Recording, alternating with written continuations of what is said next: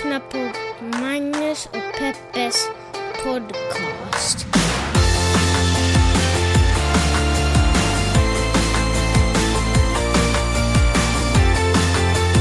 Ett, två, tre, ett, två, tre. Hallå internet och hjärtligt välkomna till podcasten som heter Magnus och Peppes podcast. Jag heter Magnus Silvenius Öhman och jag är liksom hosten för den här showen som handlar om de stora och små händelserna runt omkring i världen. Kanske runt kvarteret där vi bor, kanske i vårt privatliv, tydligen också ibland i vårt sovrum och eh, ibland också kanske runt kvarteret där du bor händelser som vi tar upp. Och så tar vi upp de här händelserna ur ett journalistiskt mediegranskande och ur ett feministiskt perspektiv. Har du, när du säger att du är hosten, sa du det för att uh, vi är båda hostar, eller sa du det för att provocera och vara lite sådär, haha, jag är liksom din sidekick? Ja, jag sa det lite mer för att provocera. Bra! För det ska jag vilja tala om. Mina provokationer? Nej, men är inte provokationer, är de inte... Kan vi lägga dem bakom oss? Varför då? För att det ytterst sällan man når någonting intressant eller konstruktivt genom provokationer. Provokationer är bara en lat persons sätt att eh, väcka reaktioner och tro att hen är någon slags diskussionsöppnare eller analytisk. Det oberoende vilket Facebook-forum man befinner sig i, så dyker det nästan alltid upp en förlåt nu, inte alla män, men en snubbe som är en sådär... En provokatör. Ja, men jag vill komma och röra om lite i soppan. Grytan tror jag man pratar om. Ja, oberoende vad man vill röra om, så är det i alla fall ett... Äh, Ja, men det är ju inte ett speciellt intellektuellt sätt att, att joina en diskussion. Man vill liksom vara med och man vill vara sådär, se mig, titta jag är här, men man har egentligen ingenting att komma med. Men by bygger inte den typen av um, involvering i diskussioner på den här tanken om att om man är kritiker så är man också intelligent? Ja, kanske det. Men det är ju ganska svårt. Om man skjuter svårt. ner någonting, då sitter man på någon inside ja, info. Men det, jag tror att de spelar i samma lag. De finns mm. liksom i samma, på samma laghalva, de här två tankarna. Som inte så ironiskt alls, det är inte riktigt färdigtänkta. Nej. Det är ju en väldigt enkel tanke. Och uh, jag tänkte på det för att jag skrev häromdagen så skrev jag en, en, en kort grej om, uh, om att Oprah nu hejas på att bli nästa president, eller presidentkandidat för Demokraterna i USA. Vi ska tala mer om det senare. Och uh, då fick den här texten, jag skrev den på Hufvudstadsbladet, och den fick en lite spridning och så är det alltid när någonting av mig eller en kvinna överhuvudtaget får spridning i medier, då måste genast komma in en man och, och kommentera någonting antifeministiskt. Mm -hmm. Och uh, vet du, det var lite provocerande.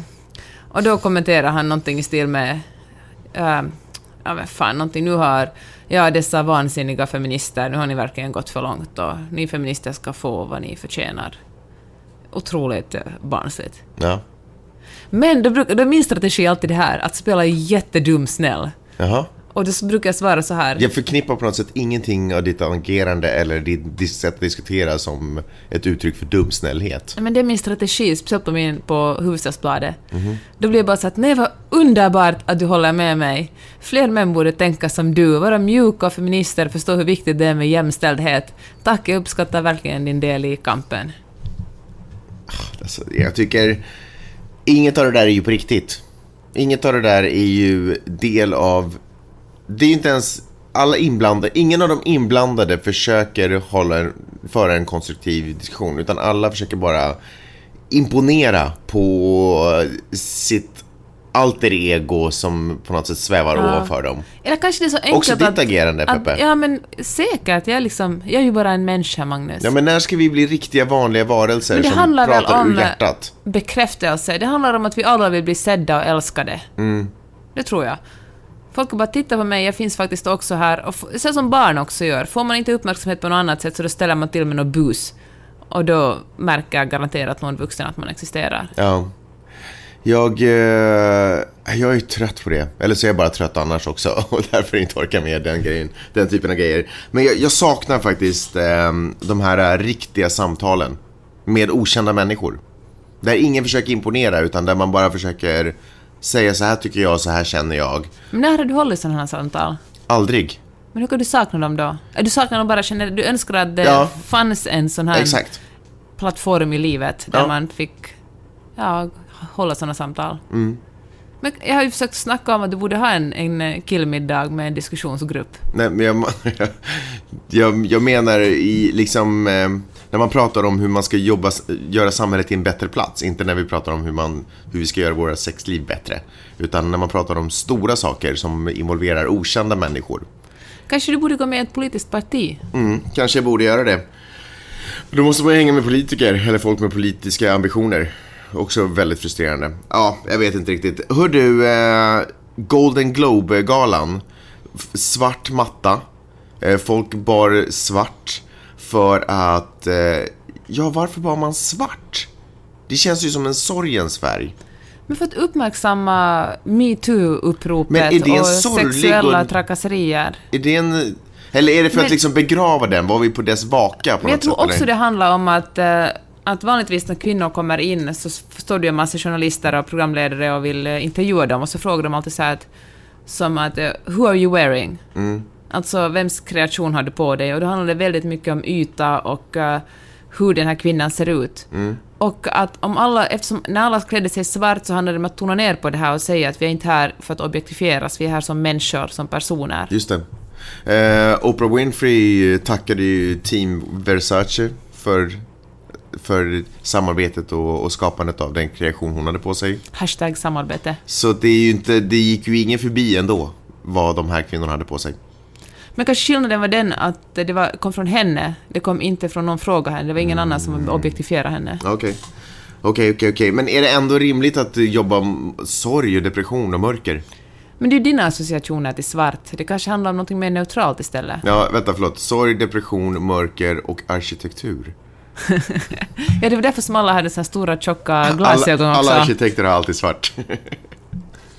Ja. Hör du, ehm, jag irriterar mig lite på att eh, alla nu vill att eh, Oprah Winfrey ska bli Demokraternas nästa presidentkandidat. Okej.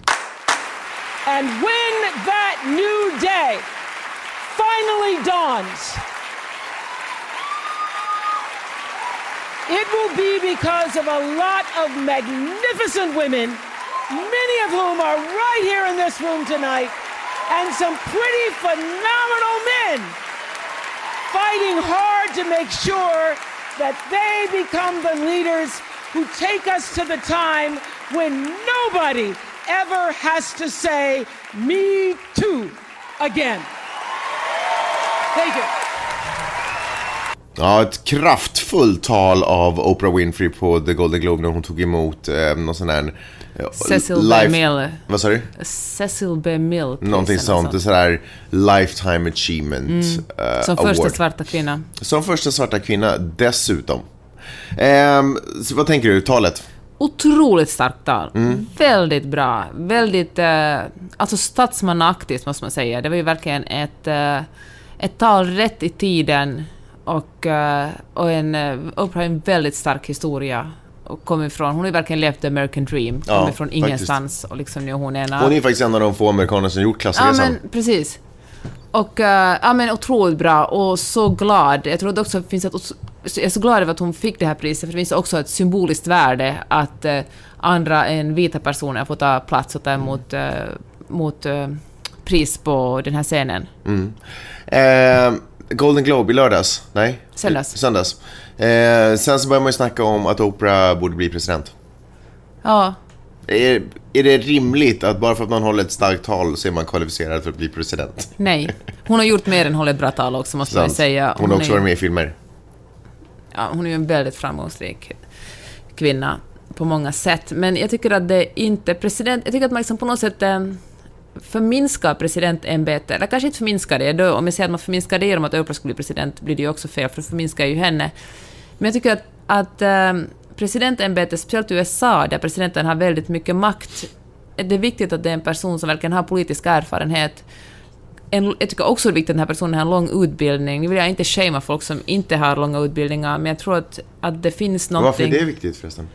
För jag tror att man lär sig ta till sig information och bearbeta den informationen på universitet på ett väldigt... Eh, ja, det, det är en, liksom, jag tror att det man studerar, det man pluggar på ett universitet är såklart viktigt, då lär man sig att gå, liksom, lär man sig mycket, man får ta till sig mycket fakta, men jag tror att en av de viktigaste sakerna med universiteten är just att ta till sig information, förstås, vad som är viktigt och vad som inte är viktigt, och plocka ut det som eh, det viktigaste och, och sätta det i ett sammanhang. Men jag tror inte till exempel många politiker i Sverige, många svenska politiker har en liksom gedigen utbildning jag tror ja. att man börjar i studentorganisationer, arbetar sig upp inom partien, liksom får en ledande position inom partien, partierna för att sen hamna på valsedlar. Ja, men det är kanske också ett sätt att gå. Men i USA är det ju väldigt vanligt att man är är jurist till exempel. Om Och, man eh, blir president, ja. Ja, om man blir president. Det kan i och för sig, när jag tänker närmare på det, kan du, kan, är det ju... Ja, det kanske handlar om att man hittar rätt kontakter på de fina universiteten och det på något sätt hjälper en framåt, vad vet jag. Men, eh, men så tycker jag också att, att det som du sa just att man arbetar sig uppåt, man får en politisk erfarenhet, man förstår vad politik är, hur, ett, eh, hur en stat fungerar, hur inrikes och utrikespolitiken fungerar. Och jag säger inte att man inte kan läsa på det, men jag tror det är väldigt svårt, för jag tror att kastas man in i ett presidentämbete så finns det liksom inte riktigt tid att börja plugga hur det är att vara president, utan då måste man antingen omge sig med otroligt bra rådgivare, det måste man ju annars också såklart som president, men, eh, men jag skulle hellre, jag får ju inte rösta i det här landet, men om jag skulle få rösta skulle jag mycket hellre rösta på en person som eh, jag menar, har en gedigen politisk eh, erfarenhet och har en tydlig ideologi. Jag menar eh, att... att Fast nu har ju politikerna svikit oss. I alla länder, nästan. Politikerna har ju eh, visat sig själva vara broiler som är intresserade av sina egna karriärer och eh, att få sitta kvar till nästa, under nästa mandatperiod. Ja, men, och, men det finns ju väldigt, väldigt uh, genuina politiker som verkligen tror på att göra det bästa för landet. Ja, men det är lätt att, att, det är lätt att, att, att på något sätt mata någon slags politikerförakt och säga att de är bara, nu som du sa, broilers, eller att de bara är in där för eget intresse, men men eh, nu är det ju jättelänge sedan jag jobbade på Finlands riksdag, men jag tycker att jag blev, kom ihåg att jag var så positivt överraskad över att det fanns så många som verkligen brann för en god sak, och de var verkligen där för att göra för att, på sina väljares ärenden, snarare än att göra en politisk karriär. Och nu fattar ju USA att nu finns det ju en, eh, en eh, dokusåpa, var Trump ens producent eller var han bara programledare för The, American, The Apprentice. Men det är ju lätt att säga, jag menar, att säga att Oprah skulle göra ett bättre jobb än han, det ska hon säkert. Men jag tycker också det blir något fel om, om presidentämbetet blir ett slags äh, varumärkesbyggande för äh, kändisar i USA. För det som, eh, det som... Men det gör ju alla kändisar nu för tiden också. Man, liksom, man, man blir känd och sen passar man på att tråka sina egna produkter, vare sig det är t-shirts eller... Eller... eh, Ja, vad, vad tråkar Parfym. folk? Ja, men parfym eller smink eller... Ja. Eller vin. Och då tänker jag att, att Oprah är ju en... Nu säger jag inte att hon skulle göra det, det är ju Trump till exempel väldigt tydligt också. Det, han, han vill ju bli president för, som, och göra det till ett men, men varumärkesbyggande. Peppe, jag tycker för- att du snurrar. Vad är problemet med att Oprah skulle vara, bli president? Jag tycker att man förminskar vikten av, eh, av att vara politiskt engagerad. Jag tycker liksom att, att, att komma in från vänster och säga att det räcker att vara känd och rik, då kan man bli president. Men är det inte engagemanget vi saknar från våra politiker och är det inte just det hon bjuder på? Hur då? Vad menar du? Vad är hennes ideologi? Vad, liksom, vad går hon till val med för frågor? Nej men det har hon ju inte. Hon ställer ju inte upp i- valet just nu i alla fall, så det vet vi ju inte. Men är inte lite för tidigt för oss då att vilja ha en person som inte ens har sagt var hen står politiskt? Ja, att ha henne som en, en eh, Åtminstone presidentkandidat. verkar hon eh, profilera sig som feminist och för eh, unga kvinnors rättigheter. Så det är ju åtminstone enligt talet i Golden Globe någonting hon har marknadsfört Ja. sig som. Och det är ju Ja. inte helt otrevligt att ha en sån president. Nej. Nej. Men... Som eh, värnar om, som har ett spe- speciellt gott öga till 50% av befolkningen. Ja, det borde ju vara en självklarhet. Jo, jo, men när det inte är det. Men äh, ja, jag tycker att då kräver vi nog för lite av en... äh, av en ja, men jag tycker att man måste ha ett, ett tydligare, ett, ett liksom ännu tydligare politiskt budskap. Och det är ju inte ett... Hon, det är kanske en ideologi, men inget tydligt politiskt budskap som hon har. Nej. Alltså jag tycker, jag bara värjer mig mot det här. Jag tycker inte att det är demokratiskt att det räcker med att man är jävligt känd och rik och verkar ha bra åsikter. Och jag fattar som sagt att, att i relation till Trump så skulle till och med Miley vara en superbra presidentkandidat. Men, eh, men det är ju inte ett så svårt... Jag menar, jag menar liksom, det är inte... För att bräcka den nuvarande presidenten behöver man inte vara speciellt duktig. Så vad tänker du med folk som var så här, oj fytsi om hon kunde ställa upp? Men jag känner samma sak fel då, som? Mm. eh, Michelle Obama. Vet du, fan hon, det ska också vara... Jag fattar att liksom, en svart kvinna, fy fan vad det ska vara bra. Men kan det vara en politiker, någon som har kämpat, som har jobbat, som vet vad det innebär att göra politik, som vet som har jobbat inom inrikespolitiken, som har köttat på ordentligt, som, som förstår politik. Mm. Kan inte man ta en sån person, inte någon som bara glider in från vänster och råkar vara känd och rik? Och sympatisk. Och sympatisk. Ja, Jag tycker, alltså, Nej, och det, som sagt, min kritik riktar sig inte personligen mot Oprah, jag gillar bara inte systemet där, eh, där vem som helst som verkar vara en bra typ, och de som sagt, nu har sagt det tusen gånger, men känd rik kan bli president. Det känns, ja, det känns väldigt odemokratiskt. Ja. Eh, Ja, sam, samtidigt som spelreglerna nu är då att vem som helst kan bli president när då Donald Trump har visat det. Så eh, då är ju spelplanen öppen och då kanske jag kan känna att kanske, kanske Oprah Winfrey då på en öppen spelplan inte skulle vara det sämsta alternativet. Säkert inte, men då kanske hon måste bevisa sig först, visa att hon har något, att hon, visa att hon har en eh, politisk kunnighet, hon har en utrikespolitisk kunskap, inrikespolitisk kunskap, att hon vet vad hon pratar om. Ja, att som sagt kanske hon blir en superbra... Ja, fan, ja. Nej, ska jag tala Men- ur hjärtat? Ja. Ska jag tala från hjärtat? Jag tycker att eh, de här, eh, jag, jag kommer göra en hel omvändning nu bara så ni alla är beredda. Håll i er nu. Därför att jag tycker att det visar hur fattigt, själsligt och eh, ja, fattigt det här landet är. Eh, därför att man hela tiden suger sig till som en magnet till de här karismatiska personligheterna eh, som säger de rätta sakerna, som eh, utstrålar de rätta sakerna. Och man har inte verktyg eller kapacitet eller ja, alltså intellekt, intellektuellt kapital nog att skrapa på den här ytan för att se vad som egentligen finns bakom. Utan man är bara, man låter sig begeistras och svepas med i det här, allt som glimmar och, och så. Och så tänker man att det är guld. Om man ska tala om Oprah nu, hennes, det som vi började tala om, att hennes historia, det här, hon kom från ingenting, jättefattig, Mm. fattig, blev utsatt för sexuella övergrepp. Som 19-åring började hon jobba på TV och så gjorde hon en raketkarriär och levde verkligen the American dream. Men the American dream är ju en sån lögn, den existerar ju inte. The American dream existerar, är mycket, stö- är mycket mer sannolik i, i Sverige och Finland, där det finns någon slags... Äh, i ett, ett välfärdssamhälle. I det här landet finns det ju knappt någon social mobilitet alls. Du, föds, du dör i samma samhällsklass som du föds i är otroligt mycket vanligare än att du skulle kunna genom... Och den här myten att om du bara jobbar tillräckligt hårt, ta tre olika jobb och kämpa dig fram, då kommer det att gå bra. Nej, om du har rika föräldrar kommer det att gå bra. Vi fick ett äh, läsarbrev av Sofia som tipsade oss om att hundra franska kvinnor har gått ut och argumenterat för att metoo-rörelsen är destruktiv. Att det är en massa män som förlorar sina jobb och, på det här och att eh, genom metoo-rörelsen så förstör man också samspelet mellan kvinnor och män. Män vågar inte längre flörta med kvinnor och eh, och vem har en liten klapp på baken har väl aldrig gjort någon illa. De fördömer tydligt, alldeles tydligt våldtäkt, men de säger att eh, det har gått för långt nu med metoo-rörelsen. Mhm. Och vad känner du när du hör det här? Jag känner att det där, eh, den backlashen hade vi ju i Sverige också ett litet tag. Elisabeth eh, Höglund heter hon tror jag, den här journalisten och profilen. Som också gick ut och sa ungefär samma sak. Nu vet ju inte jag de här hundra franska kvinnorna, men det, det verkar vara en viss sorts kategori kvinnor som tenderar att ta upp de här och de är oftast en äldre generation som vi har ju pratat om det tidigare som kanske har Eh, åsta- som har varit en del av en feministisk rörelse och lyckats åstadkomma väldigt mycket och har varit tvungna att, för att få igenom sådana saker som till exempel möjligheten att bara lämna familjen och dra och jobba eller kanske lämna bort eh, alternativet familj överhuvudtaget för att till exempel skaffa sin karriär och pengar och egen frihet. Eh, så har de eh, nedprioriterat det faktum att en snubbe kanske har klappat dem på stjärten. De tänker att jag jobbar för den här stora saken, det där kan jag leva med om så länge jag får det här. Och därför så tycker de nu att eh, med de här stora segrarna i bakrummet eller liksom, eh, som, ja, med de här stora segrarna i bagaget så känns det som om man förstör en massa andra positiva saker som de har skapat. Vilket är intressant. Och de skriver också, de här kvinnorna, att genom metoo-rörelsen, ska, skapar man en hel generation av off, offer, eller gör hälften av världens befolkning till offer.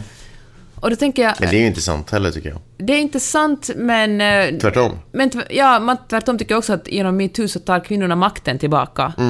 Men också är det inget fel på att vara offer. Offer är ingenting som man väljer själv, det är ingen personlighetsegenskap, utan offer är någonting som någon annan gör en. Nej, men och det, det- finns ingenting fult eller skamligt i att vara ett offer. Nej, man kan vara precis. stark och ett offer samtidigt. För det är ju precis det som har hänt tidigare när eh, många kvin- Det är ju det en del av de här vittnesmålen handlar om också. Att de har blivit utsatta, kvinnor har blivit utsatta för trakasserier och värre.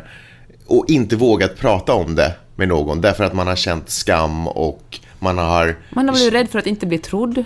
Precis, om man har känt sig som ett offer för situationen. Men genom att ta tillbaka kontrollen över det här eh, så frigör man ju sig från alla de sakerna. Så att det förstår jag inte heller riktigt den argumentationen. Ja, Tidigare i veckan intervjuade jag Caroline Heiner som har skrivit boken Män visar kuken för mig.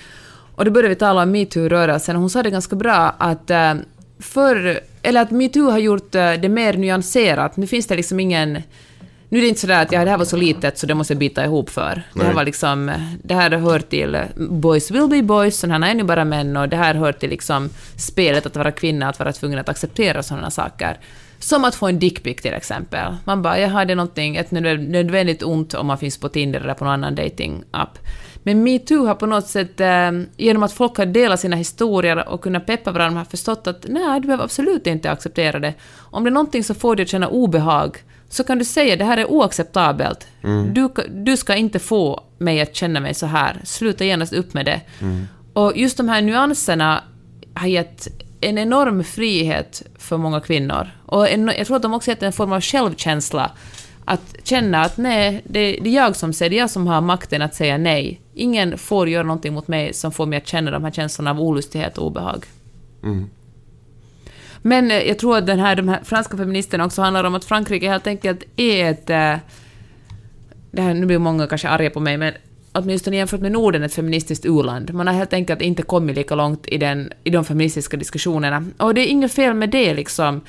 Det finns en massa områden där, där Norden inte har kommit lika långt som Frankrike inom andra områden. Det handlar väl bara om att läsa på och liksom lära sig mer för att förstå patriarkatet och förstå hur, eh, varför feminismen är viktig. Ja, för att kan man, eh, kan vi ändå på något sätt eh, on record, eh, on record, On record? on record eh, för konstatera att metoo-uppropet och rörelsen är ju inte en flörtblockad. Alltså människor får ju flörta med varandra. Men vad det handlar om är ju att på något sätt den oombedda flörten. Ja, exakt. Det är ju en, en, en, ett finger på de tillfällen då flörten inte har varit önskad men ändå pågått. Eller vad det nu kan... Eller ett, det är ju en av de saker som det är ett finger på. Och det är ju det, alltså det, är ju det oönskade som det sätter finger på. Det är ju inte det önskade det sätter finger på. Det är inte de eh, eh, kramarna som utdelades vid kära återseenden eller, eller eh, beröring som eh, har längtats efter. Det är ju inte den som den försöker hindra. Tvärtom är det ju de tillfällena som man försöker ge plats åt att kunna få existera i lugn och ro.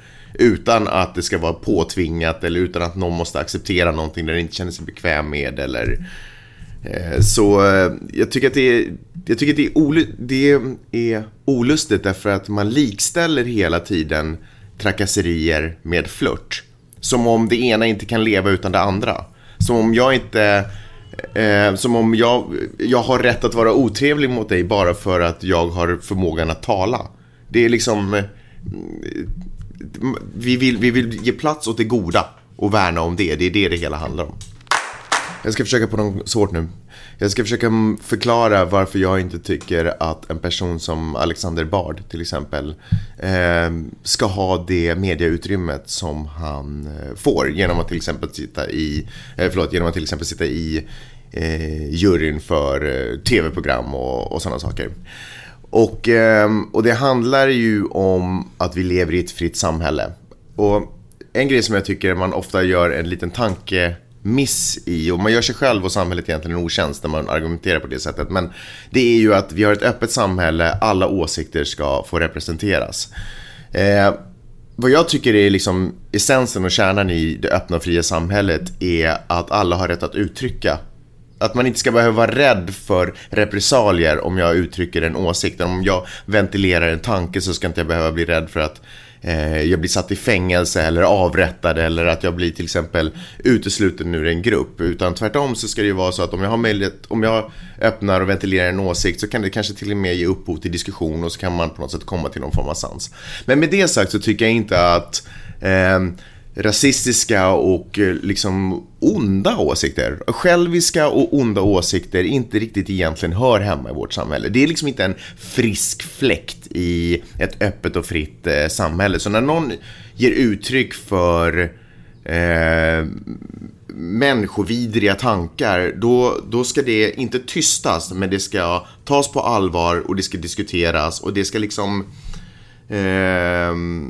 inte omvändas, men, men det är ju på något sätt ett, en signal på att samhället och vi som, eh, som community, som grupp, har misslyckats på något sätt. Ja, säg. Men jag tänker så här, kan man, kan man förenkla på det, på det här sättet att de uttryck som till exempel Alexander Bard då kommer med, eller de kommentarer, åsikter han, han får en, en, har en enorm plattform Mm. att, att sprida ut. Om de åsikterna i sin tur är åsiktsförtryckande, alltså om de är rasistiska eller sexistiska, handlar de ju i grund och botten om att tysta ner andra grupper människor och Mm. är därmed någonting som hotar yttrandefriheten. Mm. Och därför det är inte okej att han eh, använder yttrandefriheten för att få säga det han vill. Nej. Men, och då är det lite så här, men vad ska man göra då? Det är klart att vi, vi ska inte ha ett samhälle där Alexander Bard ska fängslas.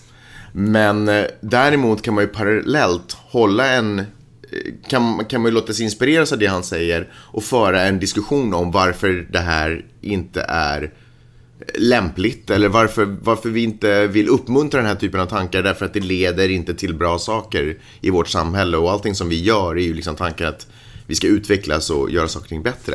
Och då tycker jag att det är problematiskt att man ger honom en ännu större plattform. Eh, att fortsätta ventilera sina... Du menar att man intervjuar honom och frågar hur det känns för honom Ja, och att man ger honom hedersuppdrag som jurymedlemmar i väldigt populära tv-program. Det är liksom, det, det legitimerar ju ganska mycket honom och hans åsikter. Och det är klart att han kan ha en professionell sida som, där han är en superduktig musiker då till exempel och har bra tankar om vilka artister som borde ta sig vidare. Och sen vid sidan om det så kan han ha andra lite, kanske inte lika trevliga åsikter om hur, hur han ser på kvinnor och, eller hur han ser på eh, män som har behandlat kvinnor illa och hur han hyllar dem och sådana saker. Och det är klart att man kan hålla dem separat och tänka att det här är hans professionella och jag det Så här det är som du och jag har Hitlermålningar på väggarna. Exakt. Och han var en duktig konstnär. Men, eh, men man kan inte riktigt göra det därför att det är en och samma person. Och dessutom när det ändå kommer till en person som ska bedöma andra människor så då vore det ju trevligt att veta att den personen bedömer de här stackars människorna som står framför honom och sjunger eh, likvärdigt. Att oavsett om du är kvinna eller man som står och sjunger så får du samma rättvisa bedömning. Och det kan vi ju då, bara ur det perspektivet, inte riktigt lita på. Men jag tycker det är Fast problem... det är väl ändå en bi... Alltså det är, Det är absolut en viktigt, bisak, men- absolut. Men, ett- men mitt största problem är att man ger honom legitimitet genom att ge honom en ännu större plattform. Och det är klart, han kommer ju alltid hävda, okej, jag får inte de här jobben, om man då inte skulle ge honom jobbet, okej, då kommer han hävda, jag får inte de här jobben därför att jag vågar säga hur jag tycker, och så kan man blåsa i den basunen. Men då tycker jag att det är otroligt viktigt, och där tycker jag också samhället har misslyckats, eh, att eh, instruera och förklara för dess invånare om att anledningen till att vi inte uppmuntrar ett visst beteende är inte för att vi försöker tysta det beteendet, utan för att vi inte vi vill uppmuntra det beteendet snarare. Därför att vi vill uppmuntra beteenden som har av positiv karaktär, som gör att vi växer som människor, att vi kommer närmare varandra som människor, inte alienerar oss som människor och, och fördummas och så. Och, och det är kanske lite den här grejen med Oprah Winfrey också, att vi, vi, vi, vi kan att man har en karismatisk yta och ett karismatiskt sätt att uttrycka sig på räcker inte. Vi måste som samhälle visa, vi måste, vi måste vara de som visar att kejsarens nya kläder inte är eh, någonting Visa vi att säljer. kejsaren är naken. Vi måste, om, om, om människor inte ser det, då måste det finnas någon form av institution eller då måste det finnas krafter i samhället som vågar skrapa på Och det är ytan. den här podden. Som till exempel i den här podden, som vågar skrapa på ytan, som vågar visa det fula bakom som är täckt med guld eller någonting annat som glimmar och som är härligt som man dras till. Eh, för att, ja, du tappade lite tråden, Men, men nej, förstår nej, vad jag men jag fattar precis, det var bra sagt. Men tycker du då, då kommer man ju koppla det här till journalistiken, då är det ju ett jättestort problem om folk inte vill betala, betala för journalistiskt arbete. Precis. För nu har vi ju lite kommit till den här punkten där alla sitter på sin egen kammare och tror att det de känner är det korrekta. Vi har ju helt lämnat saker som har med fakta, research, eh, källgrans, källgranskning, allt. Vi har ju lämnat det helt vind för våg och går helt på vår magkänsla.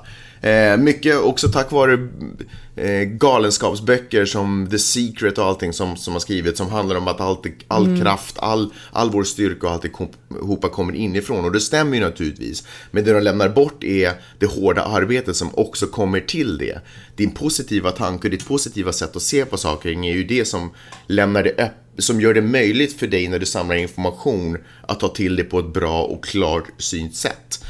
Det räcker inte med att man bara går omkring och är öppen och känner saker och ting. Din känsla är ju inte liksom, eh, det är ju inte en, eh, en kompass på något sätt. Det är ju bara någonting som du instinktivt är född med och som kan mycket väl leda dig helt fel.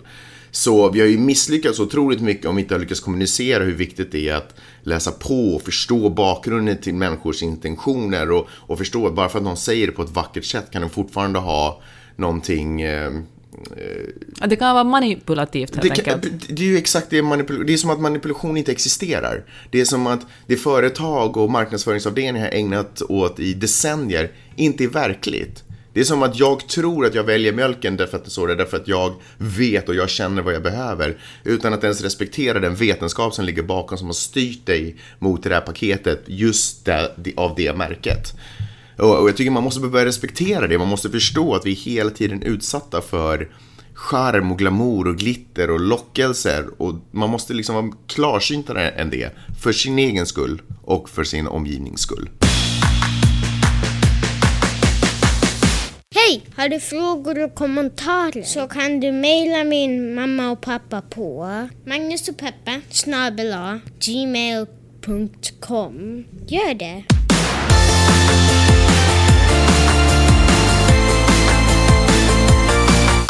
Det är klart att ni ska göra det och eh, så skulle jag också vilja säga en annan sak. Tack så hemskt mycket. Tack så otroligt mycket till alla er som har gått in på jeanetteochman.com och hittat Paypal-symbolen i högerbalken. Klickat på den för att signa upp som månatliga eh, prenumeranter till den här podcasten. Det betyder otroligt mycket. Dagligen så plingar det till i min lilla telefon. Och så säger de att ja, nu har den här personen börjat prenumerera, ja, nu har den här personen börjat prenumerera. Och det betyder så otroligt mycket. Det gör att det är faktiskt ens möjligt att, eh, nu har vi varit lite glesare här under januari månad med mycket gäster och helgdagar och sådana saker. Men vi kommer naturligtvis eh, axa upp tempot lite snart så småningom. Så fort vi får vår lägenhet till oss själva igen. Men tack Målet än- är åtta avsnitt i månaden. Målet är åtta avsnitt i månaden, men än en gång, verkligen tack så otroligt mycket för att just du gör det som är rätt och betalar för innehåll. Nu kommer jag dra en sån grej som du kommer att irritera dig på, för du säger kan vi män aldrig göra något rätt? Du ska alltid... Så fort man försöker ens lite ska du bara komma och kritisera. Ja, jag gillar hur du la upp det. Nu är jag verkligen sugen på att höra vad det var du hade berättat. På The Golden, Glo- Golden Globes Kan du så... säga någonting rätt någon gång? Hej, nu räcker det Magnus. Så fanns det... Efter om det där. Ja, kör. Okej, nu gör vi det. Hörru, på Golden Globes var det ju flera stycken män som också var klädda i svart. Det var ju inte speciellt ovanligt för att vanligtvis... De hade tuxedos på sig. Exakt. Men så hade de också såna här pins där det stod “Times up”. Alltså, nu räcker det. Nu. Ja. räcker det med sexuella trakasserier. Nu får det vara nog. Och media var ju sådär “Åh, bra! Nej, vad fint och solidariskt av de Nej, ska här du börja dissa männen”. dem? Okej, få höra. Och man bara “Men The Rock var en av dem Men- som... Don, eller, Dwayne Åh, vad Johnson. stort och modigt av honom. Han tog steget ut och satte en, eh, en pin. Och han applåderade åt en kvinna. Och han tittade stint på Oprah Winfrey. Oj, oj, oj. Ja, där ser man. Har rätt, han du- borde bara ha suttit ner och hållit käften. Men det här är ett sånt typexempel på hur lite det krävs av män. Hur lite Nej, det krävs nej. av män för att bli hyllade som feminister. Nej, det här är ett Och exempel på att det minsta de lilla här- grej som de gör ska lyftas fram och dissekeras. Alla de här männen som vann har- ett pris, hur många av dem sa minsta lilla ord om metoo? Hur många visade sin solidaritet? Hur många av dem gav plats åt en kvinna? Noll.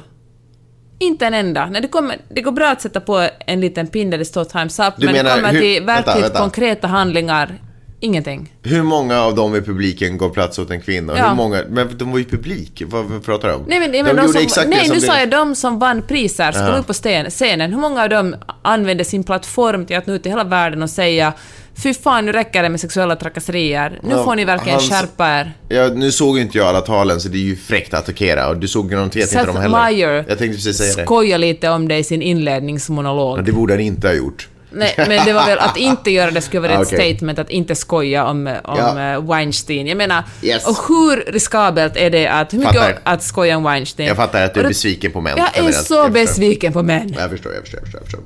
Ja, vilket fall som helst så tycker jag att det var... Det var modigt av dem.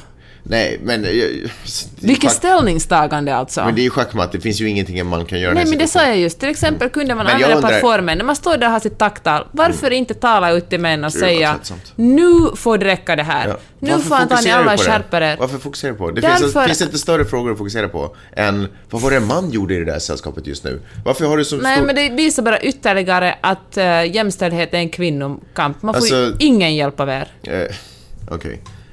Det, det stämmer ju inte. Tack så hemskt mycket. Det stämmer inte. Eh, det är som att det pågår en revolution och du sitter och undrar vad de gör i bageriet. Det är liksom... Men kom ut ur bageriet Nej. och kämpa sida vid sida med oss kvinnor. Sluta se dig omkring på vad andra människor pysslar med. Fokus, titta rakt fram, lyft hakan, ut med bröstet och bara mörsa framåt. Sluta hålla på och titta på vad de håller på med på avbytarbänken.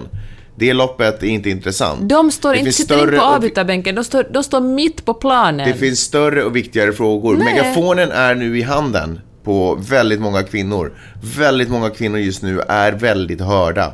Fantastiska och stora saker har hänt. Tänk om en Skarsgård, tänk om Skars. Alexander Skarsgård har varit Ja. sådär att tack för det här Nej, priset, det finns- nu vill jag inte ta upp mer plats här, därför välkomnar jag den här eh, personen upp på scenen för att berätta om er kamp. Jag fattar Peppe, det finns otroligt mycket att önska av människor som, är, som lever i eh, en tid där fantastiska saker händer. Så finns det ju naturligtvis jättemånga människor i den här tiden som kommer göra en besvikna. Det var till exempel 100 kvinnor i Frankrike som du berättade om, som var lite såhär, come on man.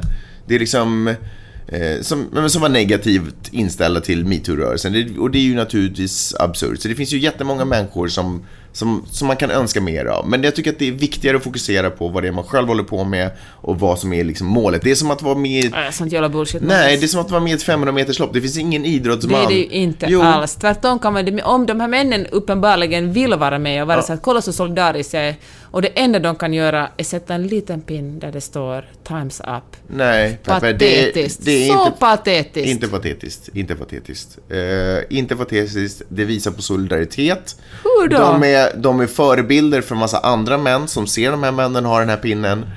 Eh, Speak up säger jag. Speak up. Var inte så jävla fega. Det finns män som gör det också. Det är inte så att alla män är tysta. Det är in, inte så att alla män är tysta. Inte alla män va? Nej men, det där är ju superorättvist Peppe. Nu... Nej, det är det faktiskt inte. Jag tycker man måste kunna ställa, precis som vi ställer Nej. krav på varandra och våra barn Nej. och våra föräldrar stundvis, så kan vi ställa krav på folk i den feministiska kampen. Nej, så länge man inte gör någonting fel så kan man nästan säga att man gör... Nej, så länge man är passiv och inte gör någonting är man en fast del av de är, problemet. ja, men de är ju inte passiva. Det är ju inte en passiv handling att ha pinnen på sig till Men exempel. herregud, det är ju på gränsen. Det är verkligen en nanomillimeter ovanför att vara passiv. Ja. Plus att de blir hyllade. Så är Time Magazine bara woho! Vilken liksom upp, till, upp på barrikaderna av pins.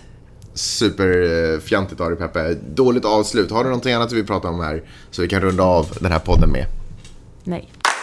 Vi satt och kollade på en dokumentär häromdagen som handlar om den demokratiska politikern Anthony Weiner som eh, uppmärksammades för att han åkte fast för att ha skickat typ dickpics ungefär.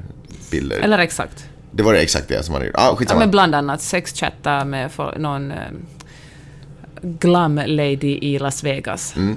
Och eh, väldigt turbulent. Han satt ju i kongressen vid det, när det uppmärksammades, eller uppdagades. Och eh, först så var han så här, jag tänker inte lämna, men sen så ombads han eh, säga upp, sig, säga upp sitt uppdrag och så gjorde han det.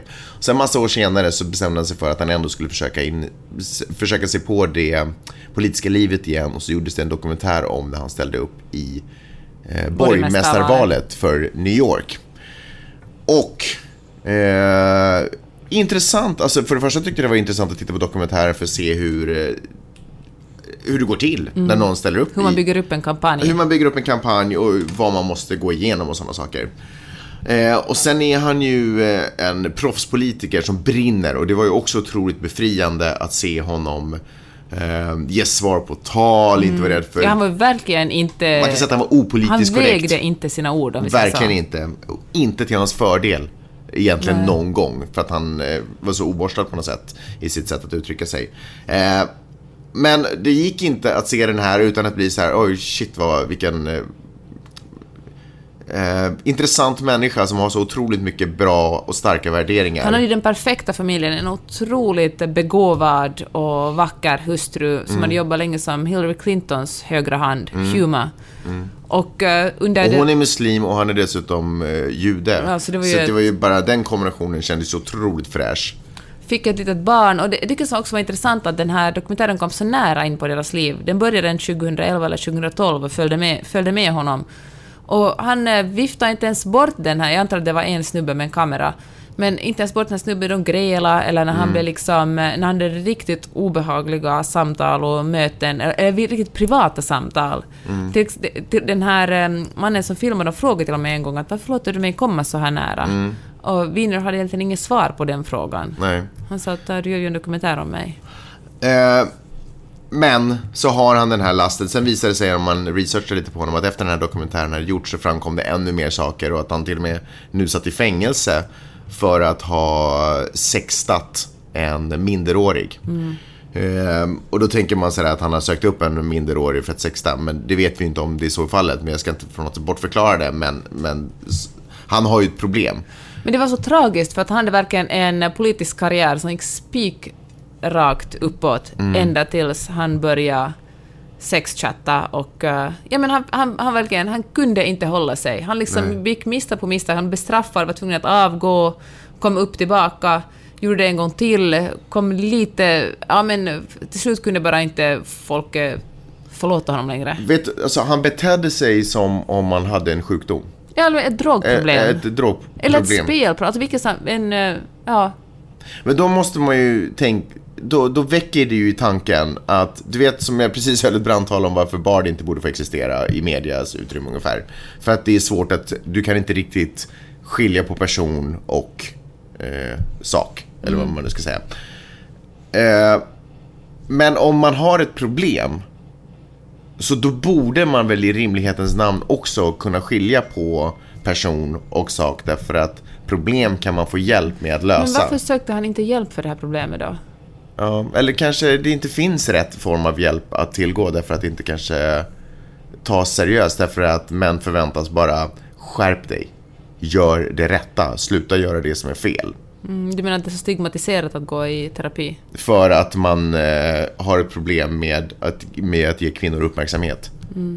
I Därför alla att man fall, inte gör det på ett bra sätt. jag tycker därför vara ett avslutande tips att se den här dokumentären och också läsa boken Män visar kuken för mig, som ger någon slags förklaring till varför män skickar dickpics. Ja, jag skulle... Nu gjorde du fortsätta Ja, om för, ja, för jag... Jo, för Du är jag inte färdig. Nej, förlåt. Du, Du ska avs- få sista ordet. Nej, eh, jag vill bara säga, alltså, kan du bara svara snabbt på min fråga? Måste, måste jag fördöma och förkasta alla hans vettiga värderingar just för att han också har den här uh, sjuka inställningen? Eller för att han har det här sjuka beteendet också? Så här tycker jag. Alltså, det som vuxna människor sysslar med varandra rent sexuellt har jag svårt att eh, fördöma. Det som jag har lätt att fördöma är när man involverar barn.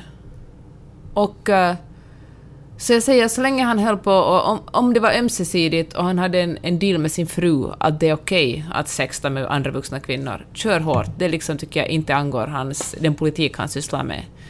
Men, eh, men ja, involverar man barn eller ljuger han för sin hustru och för de som har gett sin röst åt honom, då tycker jag att man ska fördöma det. Tack så hemskt mycket för att ni lyssnade den här veckan. Vi, Tack så hemskt mycket för den här rollen också. vi är tillbaka alldeles strax. Eh, Jag hoppas att ni har en trevlig helg tills dess. Och är snälla mot varandra, ta hand om varandra och djuren och eh, träden och livet. Ja, hej då. Hej då!